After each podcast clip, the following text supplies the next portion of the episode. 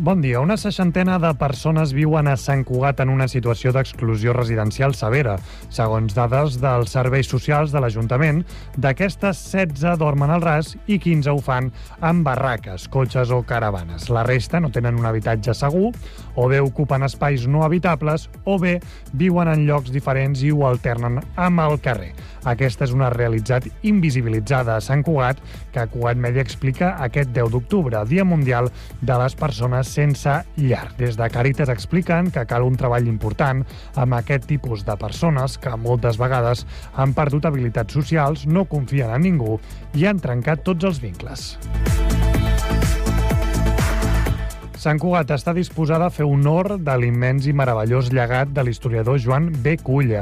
En una sala de plens a Bassà, amb representants de la vida política i social, la ciutat ha retut homenatge al Sant Cugatenc, recentment jubilat a causa d'una malaltia.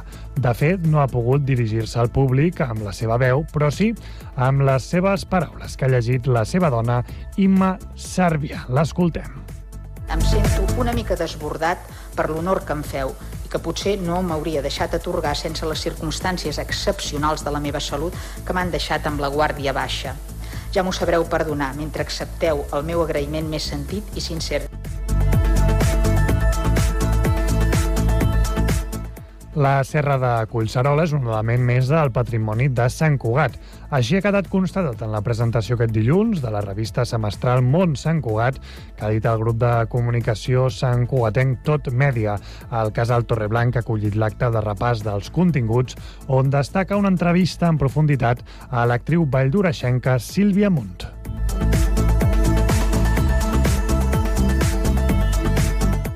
La peregrinació Terra Santa de 120 membres de la parròquia de Sant Pere d'Octavià s'ha ajornat fins l'any que ve per culpa del nou esclat de violència a Israel i Palestina. Mossèn Emili Marlès havia d'encapçalar aquest viatge per als Jocs Sagrats del Cristianisme per seguir els passos que va fer Jesús i que havia de sortir aquest dilluns de Sant Cugat.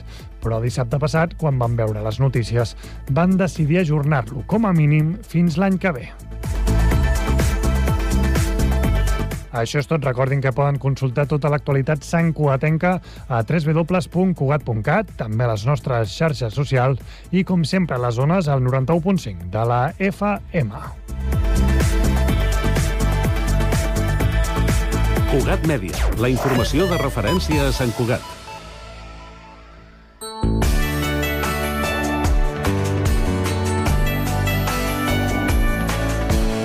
Ràdio Sant Cugat, Cugat Mèdia, 91.5 FM. Hora Sant Cugat, a Ràdio Sant Cugat. La campanya d'informació i prevenció d'incendis forestals de la Diputació de Barcelona tanca aquest any amb 132 focs i 15 hectàrees cremades. A Sant Cugat aquestes xifres són de dos incendis forestals i de, una, i de 0,0 hectàrees cremades i 7 actuacions entre les dissuasions i la detecció d'abocaments. Per parlar de tot plegat, parlem avui amb Òscar Sánchez, que és cap de la secció de l'Oficina Tècnica de Prevenció Municipal d'Incendis Forestals i Desenvolupament Rural, Òscar Sánchez, eh, de la Diputació de Barcelona. Molt bon dia, senyor Sánchez. Hola, molt bon dia. El conjunt de la província de Barcelona es tanca la campanya amb xifres inferiors a l'any 2022. Quina valoració en fan? Bueno, evidentment fem una valoració molt positiva. De fet, eh, a principi de la campanya, com recordaran els ciutadans, al maig la situació era, eh, veníem d'una situació molt preocupant, de molta sequera. Sortosament doncs, va, va començar a ploure, i això ens ha donat eh, una situació sinòptica des del punt de vista meteorològic favorable perquè no hi hagi uns incendis, diguéssim, importants, no? També és cert que les humitats relatives per la nit doncs, també han estat doncs, una mica elevades i això ha facilitat molt, eh, ha, ha disminuït molt el risc d'incendi forestal. Tot s'ha dit també que la població ha estat molt conscienciada i aquest any s'ha fet seu el missatge de prevenció d'incendis forestals i animem a continuar-lo fent. Això és clau, entenc, no? Tenir la, aquesta corresponsabilitat amb la ciutadania. Correcte, això és fonamental. El millor incendi és aquell que no comença. I si tenim en compte que la majoria d'incendis forestals eh, tenen causes humanes, o sigui, ja sigui per accidents, negligències o, o descuits, no? o a vegades inclús fins i tot intencionats, doncs eh, que la població sigui molt conscient d'allò que pot fer per evitar un incendi forestal i d'avisar si veu un incendi forestal, avisar ràpidament, és fonamental per eh, tenir unes campanyes d'estiu doncs, com la d'aquesta, si pogués ser, per sempre. Tot i que, doncs, eh, malauradament, doncs estem en un clima mediterrani i el risc d'incendi és, un, és una condició per ser de, del nostre territori i hem d'acostumar-nos a, a conviure amb ell. Um, vostès han fet durant aquesta campanya més de 6.000 actuacions, a Sant Cugat n'han fet 7. A què consisteixen aquestes actuacions sobre el territori? Les nostres unitats eh, que actuen sobre el territori, el que fan és sobretot informar a la població que s'hi van trobant sobre eh, el risc d'incendi forestal, sobre com procedir si veuen una columna de fum, avisar principalment al 112, eh, com, eh, com ser respectuosos amb el medi, i també el que fem també és eh, dissuadir accions, diguéssim, que van contra, eh, contra, la, contra, contra, la, contra el medi natural i, con, i que afavoreixen el risc d'incendi forestal, com per exemple pot ser eh, la detecció d'abocaments, l'ús d'eines que, que generen cuspires. Eh, en el cas de Sant Cugat del Vallès aquest any s'han detectat dos casos, no? que, que és un cas recurrent, no? eh, i el que fem és conscienciar la població de que aquestes eines, per exemple, doncs, durant l'època de risc, doncs, s'han doncs, d'utilitzar amb molta cura i si cal utilitzar-les amb els permisos preceptius i les mesures de seguretat de adients. No? L'altre tema que també fem molt, molt, molt incís és amb, amb les barbacoes segures. I, de fet, aquest any hem publicat un vídeo que està penjat a xarxes de com hauria de ser una barbacoa segura per poder fer eh, doncs una carnada, eh, diguem-ho així col·loquialment, doncs, amb seguretat durant la campanya d'estiu. De, perquè tothom pot fer una barbacoa a casa seva o hi ha uh, zones uh, de la comarca i en especial de Sant Cugat que potser per estar tan propers a serra, de la Serra Collserola o altres zones boscoses que ni tan sols a casa es poden fer barbacoes? Correcte. El que diu la normativa és que en determinats dies, especialment en els dies del risc d'incendi forestal, no es poden fer eh, focs a menys de 500 metres de zona forestal.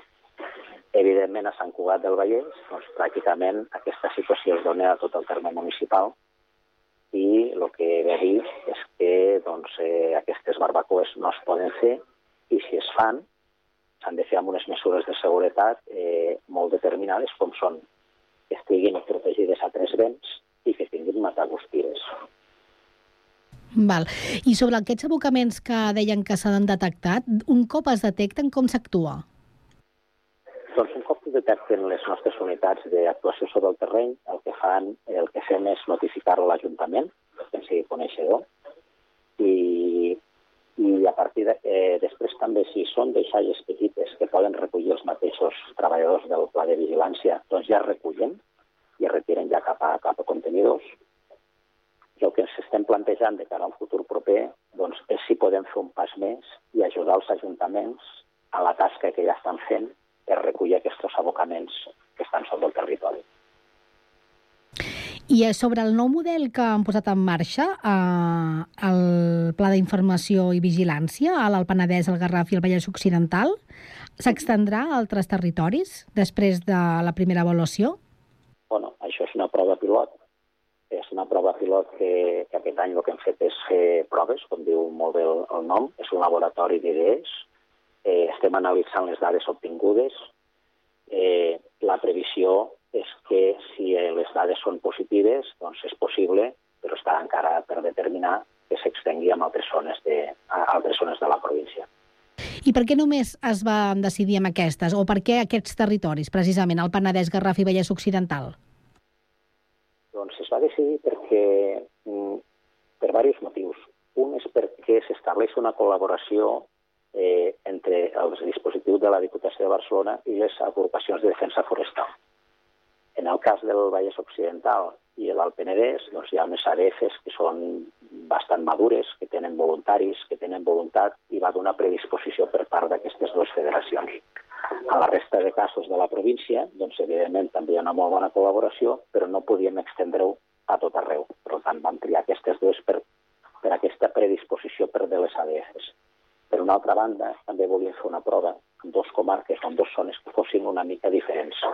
Per una banda, el Vallès Occidental, amb una densitat de població molt alta, la més alta de la província, i per una altra banda, un àmbit més agroforestal, com podria ser amb un paisatge més de barreja entre boscos i vinyes, com podria ser el Penedès i el Garraf. I per això vam triar aquestes dos, dos casuístiques. I per acabar, el Pla d'Informació i Vigilància contra Incendis Forestals de la Diputació de Barcelona es va desenvolupar del 21 de juny al 31 d'agost. Ara són unes dades que es recullen, que mm, tot just eh, es poden donar a conèixer un cop ja també ha acabat tota la campanya de prevenció d'incendis a nivell eh, del país. Un cop s'ha acabat aquesta campanya i de cara a la següent campanya del 2024, quina és la tasca que fan vostès? Doncs nosaltres, a la nostra oficina, eh, no només preparem la campanya, o sigui, el que, el que treballarem és per preparar la campanya de l'any vinent, perquè és un procés molt llarg de contractació, és un, un procés molt llarg de preparació d'un dispositiu i d'uns mitjans molt extensos, però una cosa que fem molt important, pensem a la Diputació, és treballar durant tot l'any, tot l'hivern, per preparar-nos per l'estiu. I per això el que fem és col·laborar amb els ajuntaments de la província per tenir preparats els camins perquè puguin passar els camions de bombers i els camions de les ADFs, preparar els punts d'aigua perquè estiguin operatius també per les campanyes següents, també per l'extinció en cas de ser necessari. També donem suport als ajuntaments per executar franges de protecció perimetral amb urbanitzacions. També fem gestió forestal a través d'associacions de propietaris forestals eh, en grans superfícies i Eh, darrerament també tenim una part de la nostra oficina que es dedica a, crear paisatge eh, agrícola forestal eh, de, de forma que es puguin crear discontinuïtats, recuperar aquest territori que ara està arbrat i que amb el passat havia estat agrícola, per crear un paisatge més resilient de cara als incendis forestals a llarg termini i la ciutadania pot estar tranquil·la, és a dir, la zona del Vallès Occidental i més concretament de Sant Cugat està preparada, és a dir, es va mantenint correctament perquè evitar aquesta, aquests incendis?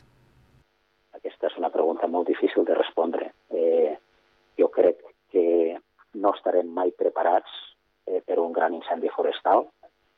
Eh, S'ha d'advertir a la població i que es faci conscient de que viu en un entorn de risc, i el que intentem és transmetre la idea de que els mitjans d'extinció treballen molt bé, però tothom ha de ser conscient d'aquest risc i preparar-se per autoprotegir-se en cas de necessitat. Això què vol dir?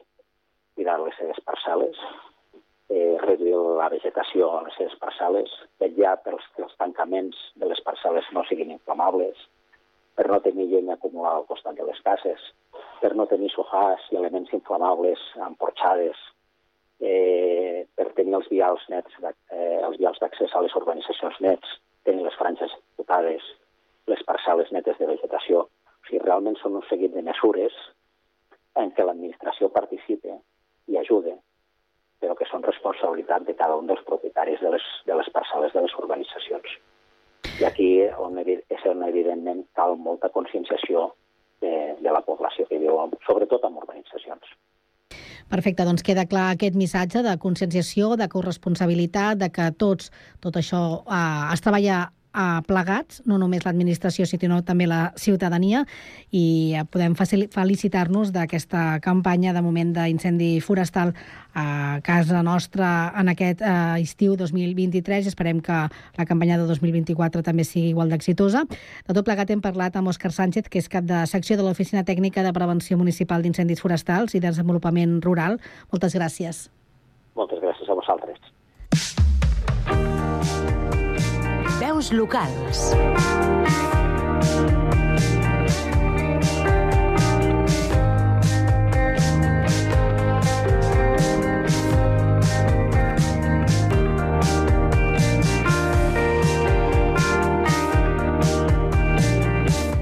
Sant Cugat té des d'aquest estiu un nou club de voleibol. Es tracta del Club Esportiu Sant Cugat Titans, un club que ha nascut amb l'objectiu d'impulsar el voleibol masculí al municipi.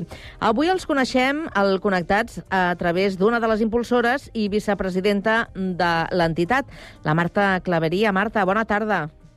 Hola, bona tarda, què tal? Moltíssimes gràcies eh, per atendre la nostra trucada, perquè ja sabem que ha sorgit un imprevist i la veritat és que t'agraïm moltíssim que ens puguis atendre igualment. Ens hagués Moltíssimes agradat molt gràcies. que haguessis estat aquí a l'estudi amb nosaltres, però vaja, una altra, en una altra ocasió serà.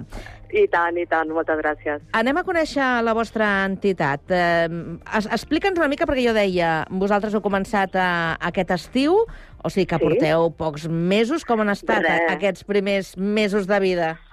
Doncs, bueno, uh, pues, eh, una mica de tot, entre molt emocionants i, i, i una mica bojos. La veritat és que tot va sorgir arrel de, de que ens vam veure un grup de mares amb una necessitat, que era que els nostres fills no trobaven equip masculí de vòlei aquí a Sant Cugat. Eh, llavors eh, vam decidir muntar un club. Eh, així doncs, ens vam llançar a l'aventura Mm? i, i tot just vam començar pues, al, al juliol a, a muntar, a crear aquest projecte. O sigui que neix, neix de la necessitat que teniu perquè els vostres fills puguin fer eh, voleibol, eh, però vosaltres, alguna experiència, us ha assessorat algú? Com, com us ho heu muntat, això? Nosaltres, zero experiència en el món del voleibol. L'únic de veure els nostres fills als partits, perquè ja portaven anys jugant en, en equips eh, escolars aquí de Sant Cugat. Mm?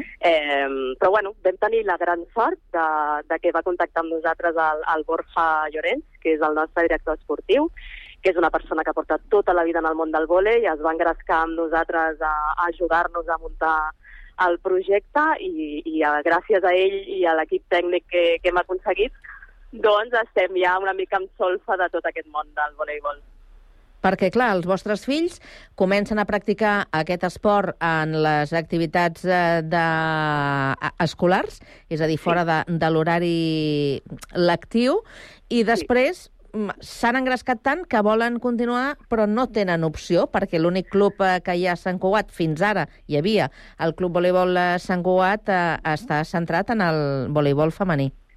Sí, exacte, correcte. Llavors els nostres fills, eh, bueno, sí que van fer proves per entrar a clubs d'arreu de, de, de, del Vallès, com Sabadell, Terrassa, Cerdanyola, Rubí, però aquí Sant Cugat hi mancava. Llavors sí que és cert que per logística, doncs clar, haver-te de desplaçar a altres poblacions per tenir això, doncs era un hàndicap eh, complicat. Així doncs ens vam llançar a l'aventura i vam dir, doncs per què no? Eh, a Sant Cugat ha de tenir un club que també admeti equips masculins, Mm. a nivell federatiu i, bueno, doncs això, hem tingut la sort també de trobar gent molt maca i, i experta en el tema que ens ha ajudat, també des de la Unió de Federacions Esportives de Catalunya i també amb el suport de la Federació Catalana de Voleibol, Mm -hmm. gràcies a la seva presidenta, que també ens ha recolzat des del minut zero, i, i bueno, doncs eh, treballant, treballant moltíssim per tal de que això surti endavant. De fet, ha, ha sortit endavant, tenim sis equips eh, federats i un escolar, eh, amb la qual contentíssims de, de la rebuda també a la ciutat de, del club. Mm -hmm. Sis equips i un, i un escolar, sis federats i, i un escolar. Teniu nois i noies, equips masculins i Sí. femenins. Sí, sí, sí. De fet, el nostre lema al final és tots hi juguem, no? Amb la qual no volíem tancar-nos només a equips masculins. El que volem és que Sant Cugat tingui un club també que, que on puguin jugar les nenes i els nens i, i, i també d'una manera federada i també d'una manera escolar, perquè no tothom vol federar-se. Amb la qual volíem tenir, sobretot, obrir aquesta oferta a tothom. Estem parlant de quina franja d'edat que voleu cobrir? Doncs mira, tenim des dels 10 fins als 18. Dels 10 als 18. Sí, I ara mateix, eh, en, en l'escala de categories, quines són les categories que teniu cobertes? Doncs tenim des dels alevins fins als juvenils. O sigui, alevins infantils, cadets i juvenils. Déu-n'hi-do, déu nhi déu Sí. Eh, jo no sé si vosaltres sabeu que a Sant Cugat hi havia hagut equips masculins de, de voleibol. Sí, de fet, fa molt de temps hi van haver, eh, no sé per quin motiu hi van deixar d'existir. Nosaltres sí que hem intentat eh, contactar amb, amb, amb l'entitat de Sant Cugat per tal de veure si obrien línies masculines, però Mm. entenem que també ells no, no poden o, o, o no els hi ha interessat eh, obrir aquestes línies masculines, amb la qual perquè al final també és un club que té, és, és del nivell. Uh, uh, llavors eh, està a anys llum del que nosaltres ara mateix podem fer i entenem que tenen altres necessitats, amb la qual eh, no hi havia opció de poder obrir una línia masculina en aquest sentit. Mm -hmm. Doncs efectivament hi va haver mm, equip masculí al Club Voleibol Sant Cugat, però bastant més enrere també hi va haver un equip que va acollir Sant Cugat, t'estic parlant de la dècada dels eh, 80, quan van venir Sí. l'equip de bombers de Barcelona Ostres. A jugar a Sant Cugat. Jugaven al, al PAF 2 de, de la Rambla de, del Celler, però d'això ja n'han passat uns, uns quants anys. Sí. I tant, i Eh, tant. per cert, teniu seu? Doncs uh, no encara tenim seu, la veritat. Estem en búsqueda de seu. Durant aquesta temporada esperem tenir una seu social. I instal·lacions, que aquest és el cavall de batalla de, de sempre? Bueno, doncs aquest és el gran, el gran hàndicap que tenim. Nosaltres les instal·lacions ara mateix que fem servir són les de l'escola Àgora, aquí a Sant Cugat, Uh -huh. a, a Sant Joan, i fem servir les seves instal·lacions a l'espera de que durant aquesta temporada nosaltres eh, puguem entrar també dintre del sac de les instal·lacions municipals de cara a la temporada que ve. Perquè heu arribat tard i ja estaven fets els, Exacte. els quadres, Sí. no? La distribució de... Exacte, al final les instal·lacions ja estaven donades, com és, com és lògic i normal, perquè això es comença a preparar a l'abril, al març. Eh, nosaltres hem començat tot just a l'agost a obrir inscripcions, amb la qual era impossible que nosaltres poguéssim accedir a una instal·lació municipal. Sí que ens hem reunit amb el- amb el- l'alcalde, el Josep Maria Vallès, i la regidora d'Esports, la Núria Escamilla, Sí. per parlar-ne i sí que és cert que doncs, la cara de la setmana i l'any que ve, la temporada que ve, treballarem per tal de tenir, de tenir instal·lació. És a dir, que ara feu els entrenaments a l'Àgora i els partits els jugueu a Sarrià. Els partits els jugueu a Sarrià, sí, uh, sí, sí. Eh, bueno, bàsicament perquè no, no hi havia altres opcions. Eh, llavors, bueno, mm, a través d'un contacte vam contactar amb ells i, i, i vam poder formalitzar que la nostra seu de casa, ara mateix els nostres partits de casa, els faríem allà. Però, bueno, al final eh, és una cosa temporal per aquesta temporada i esperem que de cara a la temporada que ve ja tinguem eh, instal·lació. Uh -huh. eh, per cert, que em sembla que és aquest cap de setmana que comenceu, no? Molts dels equips comencen eh, oficialment Sí. els seus partits aquest dissabte. Aquest dissabte comencem els partits eh, dels equips federats, comencem la temporada amb moltes ganes. Ja el, el cap de setmana passat ja vam fer un amistós a Martorell, es, ens vam estrenar i aquest cap de setmana ja comencem la temporada amb els equips federats. Eh, hi ha alguns equips que se'n van a Andorra, altres que estem aquí a Rubí i, i, i arreu. Així que ja comencem amb moltes ganes i molta il·lusió. Oh, i tant. Per cert, en el vostre reglament de règim intern eh, heu descrit els drets i obligacions de tots els actors implicats a, en l'entitat. Crida especialment eh, l'atenció l'apartat dels pares, sí. perquè hi ha Bueno. molts drets i moltes obligacions, eh? O sigui, tenen molta feina i es nota que la llavor del club és d'un grup de mares. Sí, sí, per nosaltres és important i és fonamental uh, la col·laboració dels pares. Uh, perquè al final estem educant, i estem educant tots. Ens eduquem els pares, eduquem fent esport, eduquem des de, la, des de les escoles, i trobem que és important que, que hi hagi aquesta col·laboració, aquest respecte, i que, no, i que els nois eh, i nenes uh, tots ho aprenguin també. Clar. Hi ha un, un, dels, eh, bueno, un dels aspectes que destaqueu en aquest eh, règim eh, i referent als pares és que eh, han de ser un model d'autocontrol respecte als àrbitres, als adversaris, perquè els pares són models de conducta a imitar pels fills. Això sembla que moltes vegades eh, se'ns escapa, no? Oblidem. Sí, totalment, totalment. Sí que és cert que, que en segons quins, quins moments potser els pares eh, ho, ho vivim de massa i, i, i no, hem de prendre consciència de que al final pues, si el nostre fill està jugant i, i pues, no encerta o, o no se li ha donat bé o, o han perdut o el que sigui, no, el que no podem fer és, és tirar-nos a, a la canxa, no? Llavors és molt important, molt important el, el model que puguem, que puguem fer els pares en aquest sentit. I queda molt clar que també eh, deixeu per escrit les conductes que cal evitar. O sigui, que la gent mm, té clar... O sigui, la teoria, que és el que diem moltes vegades, ho sabem Sí. tots molt, no? Després, a la pràctica, va, mira, ens hem despistat i se'ns han escapat eh, coses, però queda clar i patent en el vostre reglament quines són les conductes a, a evitar, com per exemple, quines destacaries tu? bueno, doncs a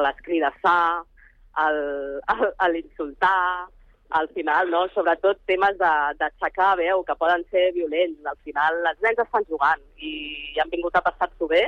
Evidentment, guany, guanyaran, però també perdran, i perdran molts partits. Al final estem començant. Llavors, eh, tot això, tot aquest autocontrol ha de ser, ha de ser una eina dels pares de, de, i un treball del dia a dia. Hi ha una cosa, mira, i ara la comentaré, que, que em sembla que també és important. El fet de prohibir la pràctica esportiva com a càstig. És a dir, Sí, ha passat moltes vegades que els pares, eh, com el nen s'ha portat malament, doncs avui no aniràs a vòlei. Sí, home, creiem que és important no, no fer aquest tipus de- d'acció, no? Al final al nen no li beneficia en res, al final uh, li treu motivació. Eh, al final l'esport és una eina de motivació, és de, de, de desfogament, de, bueno, de moltes coses. I si, si amenacem o castiguem amb això, doncs uh, jo crec que no creiem des del club, bàsicament, que no, no és gens beneficiós pel, pels nois i noies. Mm. Abans parlaves, Marta, de, de, del vostre coordinador, el Borja, eh, Sí. el Borja Llorenç. Eh, quan es crea una, una entitat eh, com la vostra, m'imagino que fer l'equip tècnic, eh, l'equip d'entrenadors, és una tasca complicada, i més si, si, no, si no teniu experiència. Us ha costat molt? Doncs mira, ens ha costat, eh, primer perquè hi ha una manca d'entrenadors en, el, en el món del voleibol molt important. Eh, van buscadíssims, però hem tingut la sort de, de, col·laborar, de col·laborar amb el Borja, que, que, bueno, i de molta gent que desinteressadament ha dit, escolta, jo vull entrar al projecte, jo he jugat a voleibol, sóc entrenador, us vull ajudar. I gràcies a això, a, a la solidaritat i, i, la, i la motivació de molta gent, hem trobat un molt bon equip tècnic eh, i estem molt contents, la veritat. I sobretot gràcies al Borja, que fa la feina tècnica. Mm -hmm. uh, ens recordes el lema del vostre club? pues el lema és tots hi juguem. Tots hi juguem. Un nou club, el, el Club Esportiu Sant Cugat eh, Titans, que com t'agradaria, Marta, veure'l d'aquí cinc anyets?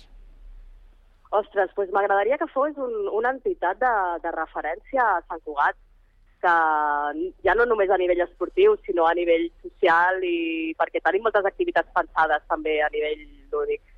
Eh, llavors, bueno, m'agradaria que fos una, una entitat consolidada i de referència d'aquí uns anys, sí. Doncs eh, així ho esperem. Marta Claveria, vicepresidenta del Club Esportiu Sant Cugat Titans, moltíssimes gràcies per eh, acceptar la nostra invitació i que vagi molt bé. Molt bona tarda.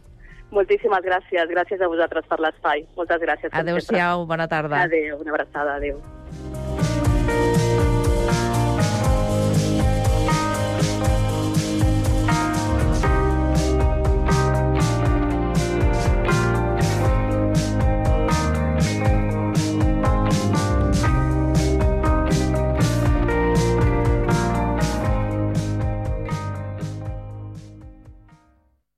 No és el mateix ser els integrants del millor grup de la història que ser el millor grup de la història. Per això, el grup català Occident serem Occident, perquè per continuar assegurant-ho tot, tot i tot, ens havíem d'ajuntar tots, tots i tots. Entra a seremoccident.cat. Nosaltres. Nosaltres som feliços. Nosaltres som així. Nosaltres, un programa de ràdio mensual amb el grup Catalònia Fundació Creativa, que treballa amb persones amb discapacitat intel·lectual o trastorn de conducta. Benvinguts una altra vegada al programa de ràdio d'Espassur Valldoreix. Avui entrevistarem el Francesc Orella. La entrevista de este mes la dedicamos a una de las modelos y presentadoras más destacadas de nuestra localidad. Me parece súper elegante, un, un coche de color cava. ¿A ti te gusta el color cava, Miguel? Sí. Avui entrevistarem a la Gemma Mengual. De festa un dia amb les amigues també, si podíem. Igual que jo. Clar que sí, s'ha de fer això, s'ha de fer. Nosaltres, cada mes a Ràdio Sant Cugat, Cugat Mèdia. Nosaltres som genials. Ràdio Sant Cugat. www.cugat.cat Hora Sant Cugat a Ràdio Sant Cugat. Hora Sant Cugat a Ràdio Sant Cugat.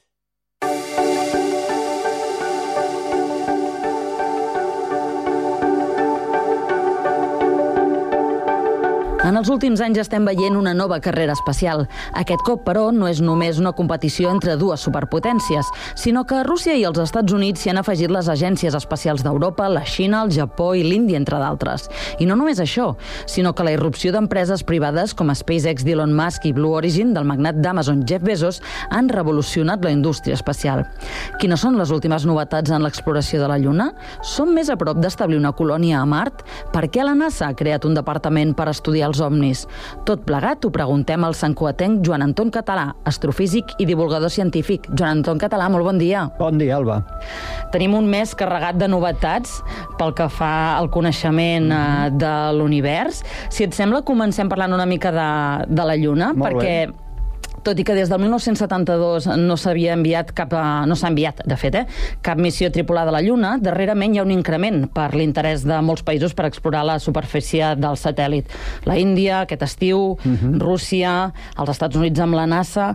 Eh, ens trobem davant d'una nova cursa espacial, d'un nou interès per al satèl·lit de la Terra? Jo et diria que no, no hem aturat l'interès per la Lluna. Des de l'any 72, ara ho deies, és l'últim cop que algú ha posat un peu uh -huh. a la Lluna, però hi hem continuat anant amb amb, robots, satèl·lits, la Lluna està molt explorada. Però sí és cert que ha guanyat interès, això sí. I això és perquè a final del segle XX, del segle passat, vam començar a sospitar que la Lluna no era un lloc tan sec com pensàvem, que sí que ho és de molt uh -huh. de sec, però eh, es va sospitar que en els pols hi podria haver gel d'aigua portada per cometes, per exemple, que podria romandre en allà en cràters profuns protegits de la llum del sol que no hi arribaria a entrar mai. Això es va poder confirmar eh, fa uns anys a partir d'una missió justament de la Índia, la Chandrayaan-1, uh -huh. que en òrbita de la Lluna va confirmar que en el pol sud, com a mínim en el pol sud de la Lluna, hi ha gel d'aigua en algun dels cràters més profuns. I això va reactivar l'interès per la Lluna, perquè pensem que l'aigua és molt important perquè si mai volem posar bases no es pot fer un pont aeri eh, portant aigua, això és inviable. Uh -huh. Per tant, l'aigua ha d'existir en destí el fet de que hi hagi aigua a la Lluna reaviva aquest interès per la Lluna, de manera que alguns països de seguida van anunciar missions d'exploració per confirmar no només que hi ha aigua, sinó com de fàcil o de difícil és explotar aquesta aigua pel, de cara al futur. I aquí és on hem vist, darrerament, aquesta minicursa uh -huh. entre, per exemple, Rússia i l'Índia eh, tots dos països que volien ser els primers en aterrar a la Lluna, en aquest pol sud, on mai no s'ha aterrat. No? Eh, vam veure com s'estavellava la Luna 25 sí. de Rússia, eh, i, i l'Índia aconseguia ser el primer país en posar un, un giny al pol sud, de fet a 600 quilòmetres, però bueno, a prop del pol sud de la Lluna, i a més a més l'Índia es va convertir en el quart país de la història que aterra a la Lluna, després dels Estats Units, de l'antiga Unió Soviètica, Rússia encara no ho ha fet, i de la Xina. Uh, per tant, tenim la Índia, que per primera vegada és un país que aterra uh, uh -huh. en aquest hemisferi sud de la Lluna. Ens parlaves d'aquesta aigua, que és això que està generant aquest nou interès per sí. seguir coneixent uh, el satèl·lit de la Terra. Per què és tan important aquesta aigua? Què pot permetre o què es vol investigar eh, que permeti aquesta troballa? D'entrada hi ha una, una vessant científica, no? que és el voler saber quin és l'origen d'aquesta aigua, com és que aquesta aigua s'ha pogut conservar allà. Però ja et dic, després hi ha un interès més, diríem, útil, tecnològic, industrial, que és, home, hi ha aigua, per tant, anem a mirar com de fàcil seria explotar aquesta aigua, és dir, extreure aquesta aigua, i aquesta aigua tindria dues utilitats, en cas de que es pogués utilitzar. Una seria bastir, com dèiem abans, possibles bases, uh -huh. que de fet ja hi ha països que han anunciat, eh, els Estats Units hi volen posar una base a la Lluna, la Xina ha anunciat que també hi vol posar una base a la Lluna, doncs seria alimentar aquestes bases amb aigua. Eh, abans s'ho explicava, no pots pretendre posar una base en un lloc on no hi hagi aigua, això seria absolutament inviable. Però la segona és que a l'aigua, a més a més de proporcionar aigua per beure, proporciona oxigen per respirar i proporciona combustible. Hidrogen, combustible, per exemple? Correcte, hidrogen i oxigen, que són un és un, l'oxidant per excel·lència, l'oxigen, l'altre és un molt bon combustible, l'hidrogen, tots dos útils per poder enlairar naus des de la Lluna. Per tant, a l'aigua té un interès estratègic. Aquestes bases que aquests països tenen interès per establir a la Lluna servirien, entenc, per seguir explorant eh, els planetes més propers possiblement del sistema solar, com seria mm -hmm. Mart? Sí, pensem que la Lluna té una sisena part de gravetat que té la Terra, per tant, això fa molt eficient enlairar gens dins d'allà, amb una sisena part d'energia tu pots enlairar el mateix pes que faries en aquí, de manera que és molt eficient. La Lluna seria una molt bona base per continuar explorant el sistema solar. Mart que de fet és on tenim la mirada posada, seria un excel·lent lloc també per continuar explorant el sistema solar. Mart té unes condicions que no té la Lluna. Mart no té una atmosfera respirable, oblidem-nos, però a Mart hi veurem ciutats marcianes. A Mart, a final de segle, hi veurem humans Tan nascuts aviat? a Mart. Jo, la meva aposta és que abans que acabi... Jo, jo no ho veuré, evidentment, però abans que acabi aquest segle eh, veurem ciutats permanentment habitades a Mart i segurament ja hi veurem humans que hauran nascut a Mart. Això és increïble perquè haurem convertit a l'Homo sapiens, la nostra espècie, en una espècie interplanetària. Això probablement ho farem abans a Mart que no passa a la Lluna.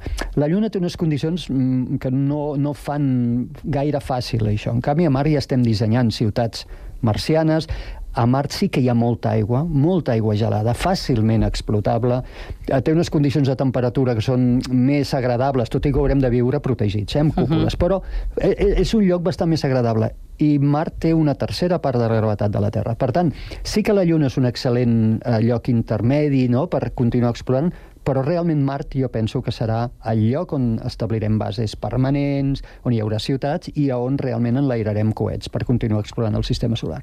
I qui seran els primers en, en arribar a Mart? Perquè a més ara veiem aquesta cursa on també hi ha el sector privat, com el Correcte. d'Elon Musk, Sí. eh, que està treballant i invertint sí. Molts diners en aquesta exploració i sobretot en aquesta arribada a Mart. Això ha canviat de quan competien la Unió Soviètica, antiga Unió Soviètica i els Estats Units, hi hauria, hi havia un equilibri, es respectaven, hi havia un equilibri i l'espai era qüestió de dos. Ara, com deies, a l'espai és qüestió de moltes agents especials i d'empreses privades que tenen recursos i flexibilitat superior fins i tot al que algunes agents especials tenen, de manera que alhora són partners, són col·laboradors, alhora competència. Uh -huh. Això porta a dos escenaris per mi. Un, eh, les agents especials s'han de reinventar. De fet, ja ho estan fent. És possible que el contribuent, això que es diu el contribuent americà, no? que sí. els americans sempre diuen, els meus eh, impostos, aquí no ens ho preguntem tant i hauríem de fer-ho. Sí. Eh? A on van a patar els meus impostos? Doncs algun, algun dia diran, escolta'm, doncs si ja hi ha una empresa com SpaceX d'Elon Musk o Blue Origin de Jeff Bezos d'Amazon que ja estan fent exploració espacial i estan, diríem, fent coses a l'espai perquè part dels meus impostos han d'anar a pagar a la NASA quan Mhm. ja hi ha empreses privades que ho fan. Això és molt típic americà, no?, preguntar-s'ho.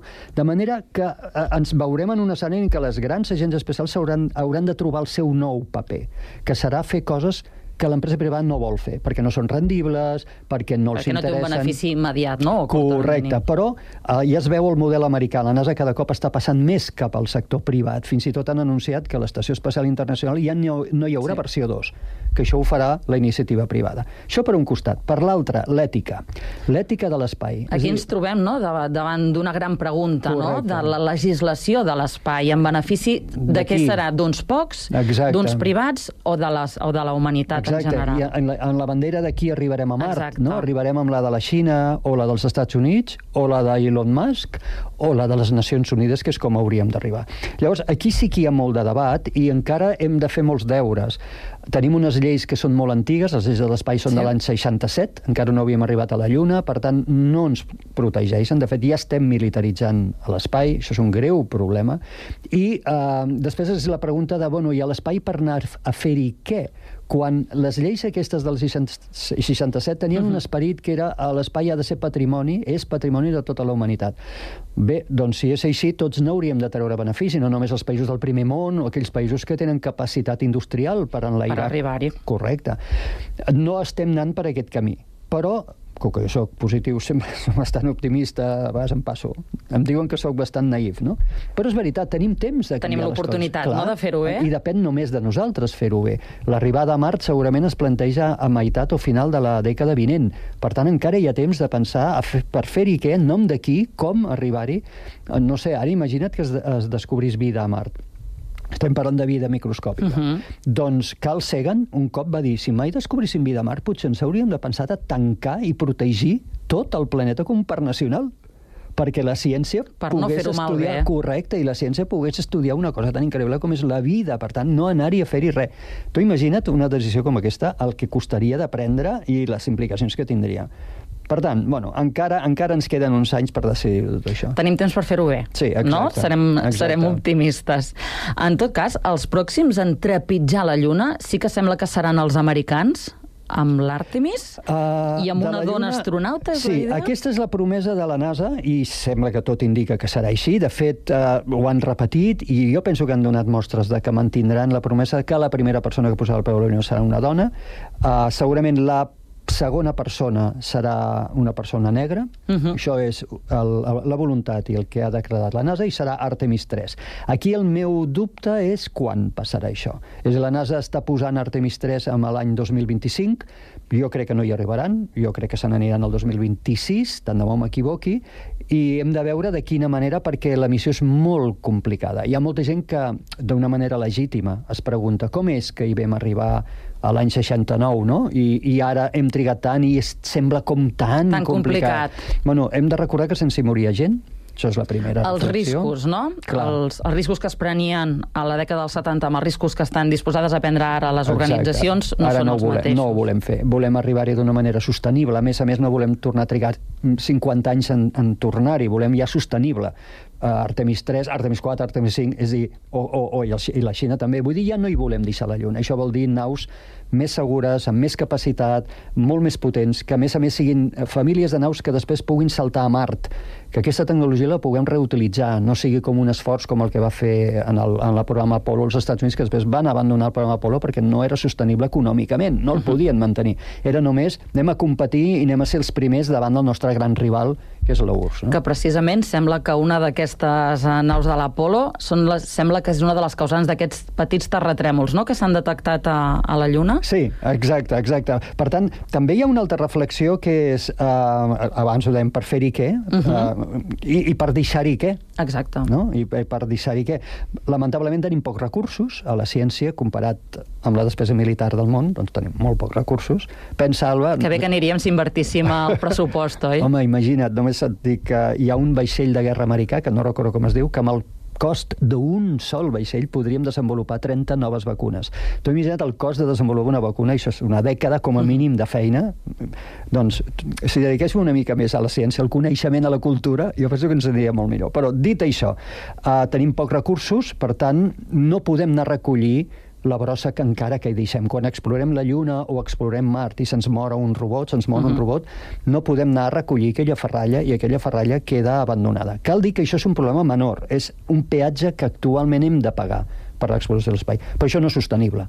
És a dir, en algun moment, com ens ha passat amb moltes altres coses, haurem de veure com recollim a la brossa que deixem a la Lluna o a Mart i com fem més sostenible des del punt de vista de l'ecologia i del manteniment, preservació dels espais naturals de la Lluna o de Mart, com fem aquestes exploracions. Més deures per aquesta nova legislació que ha de Mhm. regular Exacte. el, el nostre espai, no?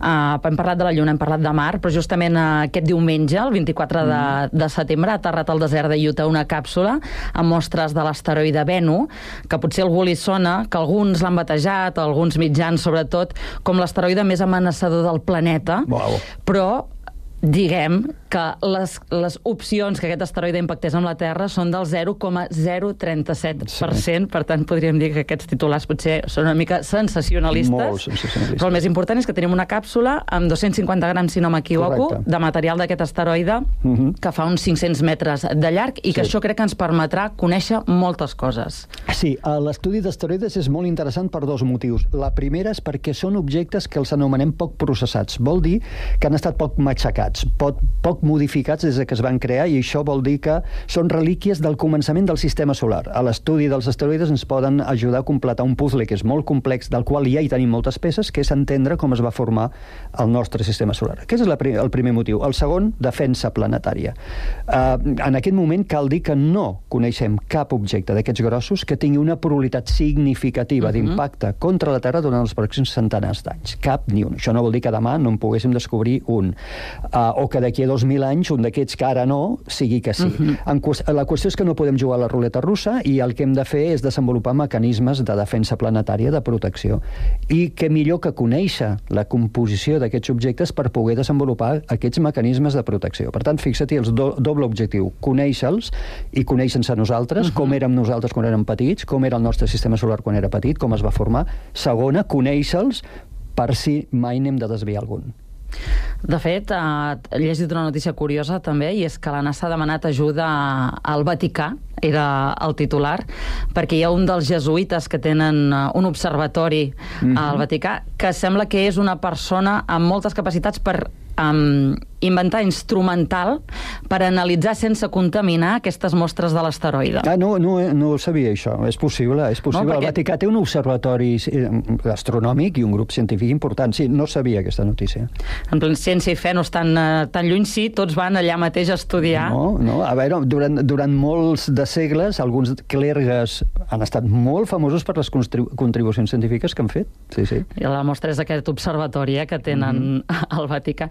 Ja que parlàvem de la NASA, um, han fet un anunci també recentment, i és que creaven una, un nou departament per estudiar els ovnis, uh mhm. -huh. que ja no li diuen ovnis, per això han canviat el nom per treure aquest estigma uh mhm. -huh. del que popularment es coneix per ovnis. Com, com hem d'entendre aquest anunci? Com l'hem d'entomar? Val, jo penso que és una molt bona notícia. Per primer cop la ciència decideix agafar la cosa directament i no amagar-la sota la catifa. Jo penso que és un, una bona iniciativa una mica per començar a contrarrestar la, la, no, la conspiració piranoia uh -huh. que, i l'estigma que envolta tot això. Ara n'anomenem UAPs, ells s'anomenen UAPs, que vol dir objectes eh, anòmals no identificats. Fenòmens anòmals no identificats per eliminar lo de l'UFO o lo de l'OVNI. Uh -huh. Dit això, omnis n'existeixen? Resposta, sí. Qual, veiem moltes coses al cel, i si no podem explicar què són, directament això és un omni. Uh -huh. Per tant, per això són fenòmens atmosfèrics, ferralla espacial, drons, eh, trossos d'objectes... Això ha existit durant molt de temps i continuarà existint. La NASA el que fa és crear un grup científic independent per analitzar què són i treuen unes primeres conclusions a l'estudi. La primera conclusió que diuen és no veiem res, a les dades actuals, res que faci sospitar una presència ET o un origen ET d'aquests uh -huh. fenòmens. Segona conclusió, si volem estudiar-los bé, necessitem nou instrumental, necessitem que els governs dissenyin, implantin eh, aparells que estiguin eh, preparats, dissenyats per estudiar aquests objectes. Que fins ara no els teníem. No, no n'hi ha prou un radar que està preparat per seguir un avió, per treure totes les dades que un científic necessita uh -huh. per dir, ah, doncs aquest objecte que s'ha vist és tal cosa. Es necessiten moltes dades, la velocitat, l'altura, la temperatura, no sé, ara estic dient mhm. dades... Mm -hmm. Diferents paràmetres. Correcte, que millor aquell radar no està preparat per, per tenir, no?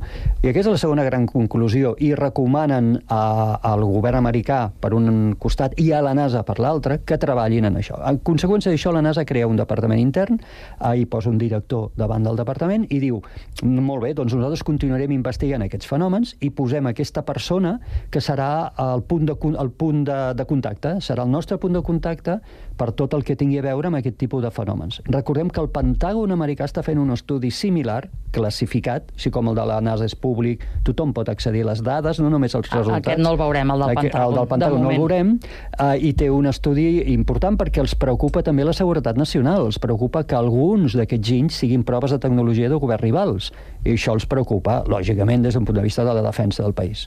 Doncs la NASA ho estudiarà i com que seran dades científiques i obertes, ho podrem uh, anar seguint.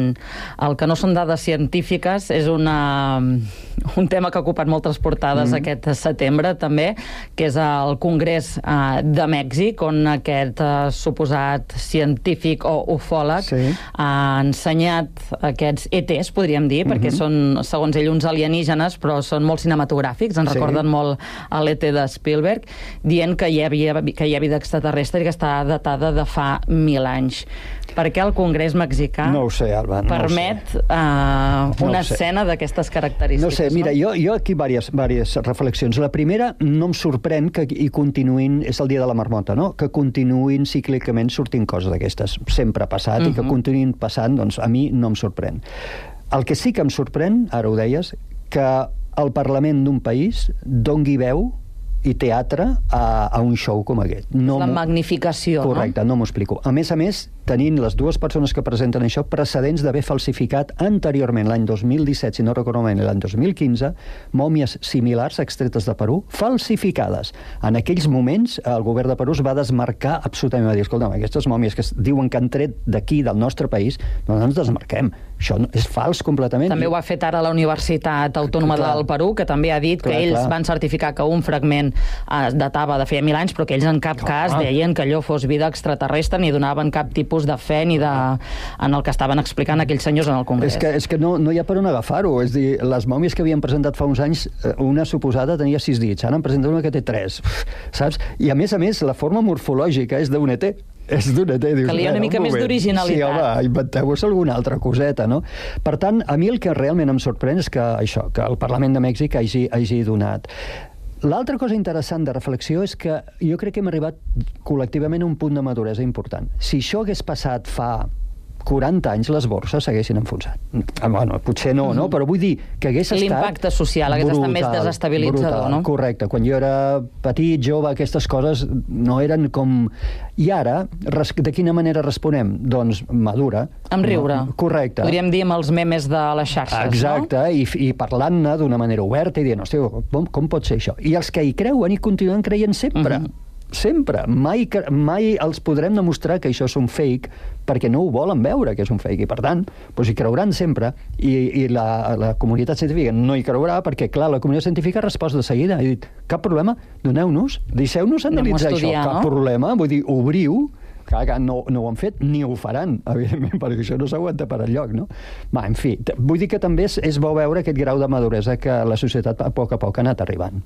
Doncs això és optimista i és esperançador, no? Sí. Aquest canvi social que cada vegada, com que també tenim més accés a, al coneixement Mhm. i a divulgadors científics com tu, que ens expliqueu, perquè nosaltres puguem entendre una mica millor com funciona l'univers i les noves troballes, doncs anem avançant a, en Sí. aquest sentit. Joan Anton Català, moltes gràcies, Gràcies per per acompanyar-nos. A veure si ens eh, veiem aviat per seguir parlant de totes aquestes novetats que ens venen els propers anys per endavant. Molt bé. Moltes A tu. gràcies.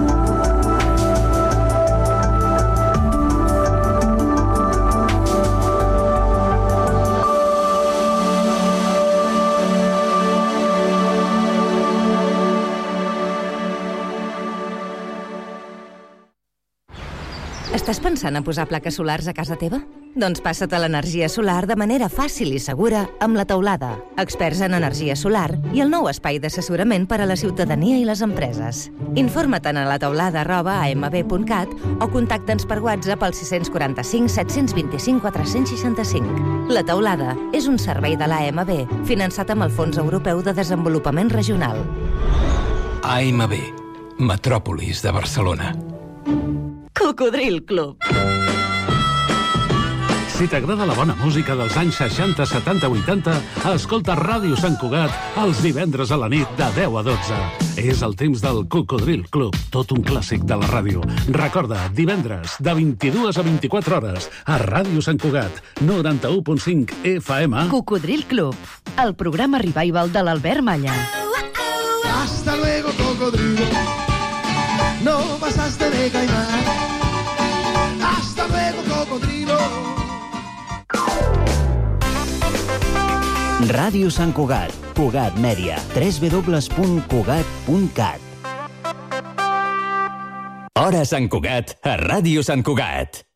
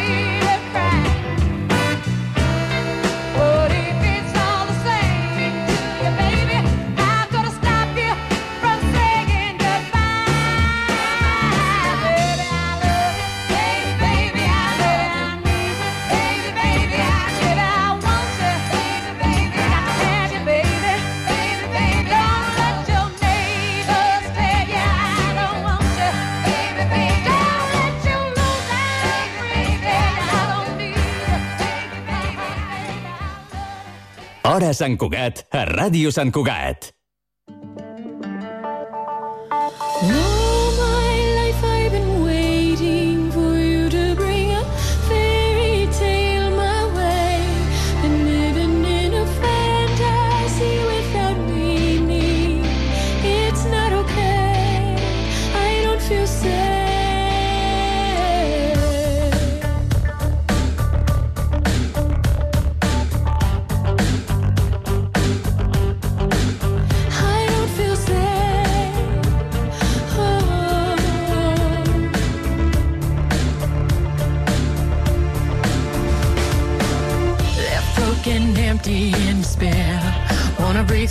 blind there. Thought you were sent from up above, but you and me never had love. So much more I have to say. Help me find a way. And I wonder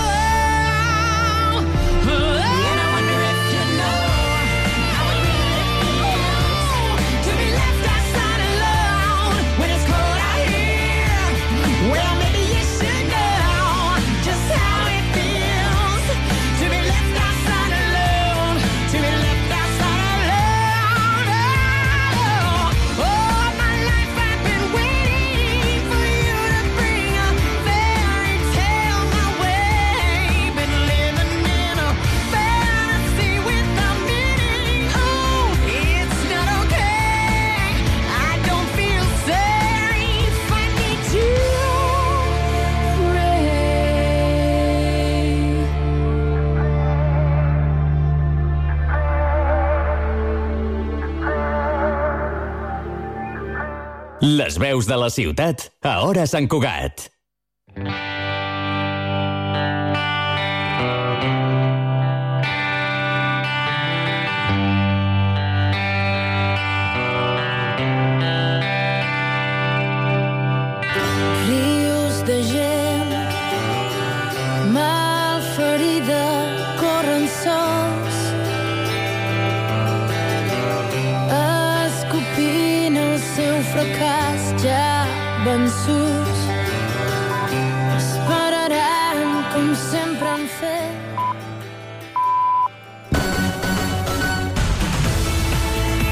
Radio San Cugat.